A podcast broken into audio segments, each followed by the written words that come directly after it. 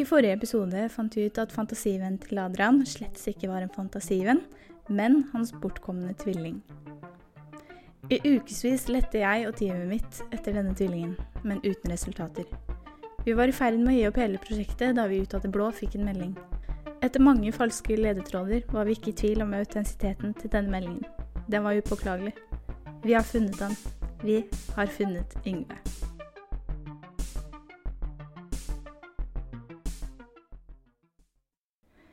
Kapittel fire Gjenforeningen. Um, OK, så bare for å få det uttalt, eller sånn hva, Eller hvem er du? Vel, når du sier hva, så er jeg barista på Espresso House.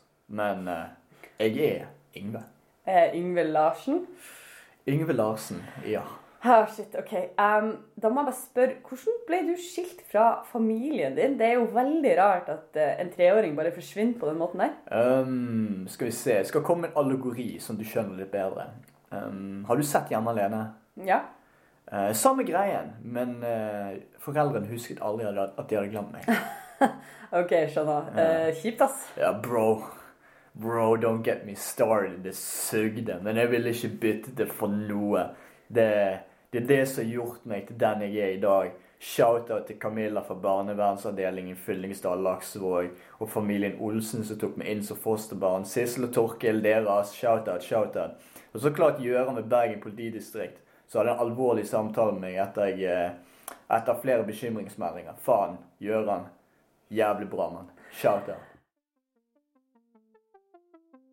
Yngve forteller en helt sinnssyk historie om sin oppvekst, og svarer på mange av spørsmålene Adrian har stilt seg selv hele livet. Men nå er tiden inne for å gjenforene de to guttene. De som ikke har møtt hverandre siden den skjebnesvangre dagen på Flesland flyplass i år 2000. Kari avtaler å møte Yngve ved Akerselva dagen etter, for å endelig møte broren sin igjen. Eh, det var her rett borte der hvor Maria så deg den dagen. Ja, faen. Jeg sto her eh, for en dag for noen uker siden og ventet på en dame fra Tinder, men hun dukket aldri opp. Så jeg ble bare stående og harselere med alle parene som trodde på evig kjærlighet. Åh, oh, bro, I know. Det der er så lame. Folk suger, ass. ja, tell me about it. Mens vi venter på han Adrian, blir Yngve plutselig litt rar. Han fikla med skjerfet sitt og shoutouta til alle han kjenner. Sjefen, eksen, eksen til eksen, vi som står rett foran han. Det er noe som plager han. Du, Yngve, går det bra, eller? Ja, shit. Jeg trodde, jeg trodde egentlig bare dette skulle bli lættis. Men plutselig kom jeg på at uh, det er den kødden familien min valgte, mens jeg fikk uh, The Macaulay Culkin Experience. Hvor ansvarsløst er ikke det? Nei, faen. Shout-out til Macaulay Culkin, ass. For en fyr. For en fyr. Jeg skjønner at jeg er i ferd med å miste han. Jeg prøver fortvilt å roe han ned, men Yngve blir bare mer og mer stressa. Nei, fuck dette. Jeg stikker. Hæ, hva skjer nå? Yngve? Yngve? Yngve, vent! Jeg løp etter Yngve nedover langs elva, før han tok en avstikker opp mot Olaf Ryes plass. Han beina ned markveien, og jeg lå hakk i hæl. Jeg endte i krysset ved Vinmonopolet og kikka meg fortvila til høyre og venstre. Yngve var ikke å se noe steder. Jeg banna høyt og sparka i ei søppelkasse like ved. Løkkaboerne så forskrekka på meg. Jeg merka at de trakk seg unna. Great, tenkte jeg. Nå tror de jeg er sinnssyk. Etter noen minutter sukka jeg oppgitt og skulle til å returnere til Akerselva, da jeg plutselig fikk øye på Espresso House. Selvfølgelig. Jeg åpna døra, gikk forbi hyllene med gamle bøker og falske planter. Disken spekka med donuts, brownies og sandwicher. Runda et hjørne. Og der, bak en falsk yuccapalme, i en lysebrun stol i imitert skinn, satt Yngve, med nesa dypt ned i et glass med triple mocha with a caramel swirl. Etter litt overtaling fikk jeg lov til å invitere Adrian til kafeen.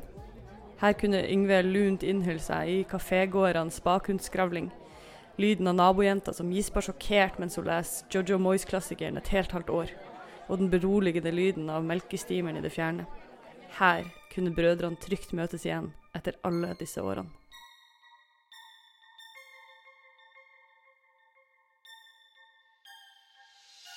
Det har nå gått seks måneder siden Adrian og tvillingene hans møtte hverandre igjen. Vi tar opp kontakten for å høre med Adrian hvordan det var og endelig få henge med fantasivennen sin igjen.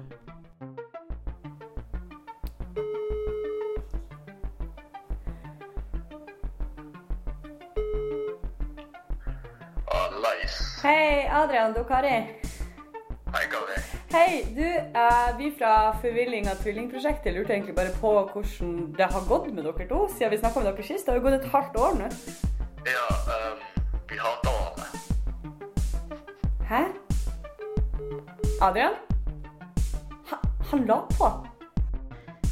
Hva det var som fikk familien til Adrian og Yngve til å glemme barnet sitt på flyplassen i Bergen den skjebnesvangre dagen i år 2000, og hvorfor de to tvillingene som en gang var smerteris, nå hater hverandre, kan vi bare spekulere i. Det som i hvert fall er helt sikkert, er at vi nå har lukket den døra, og dermed avsluttet nok et kapittel i historien om den forvillede tvillingen.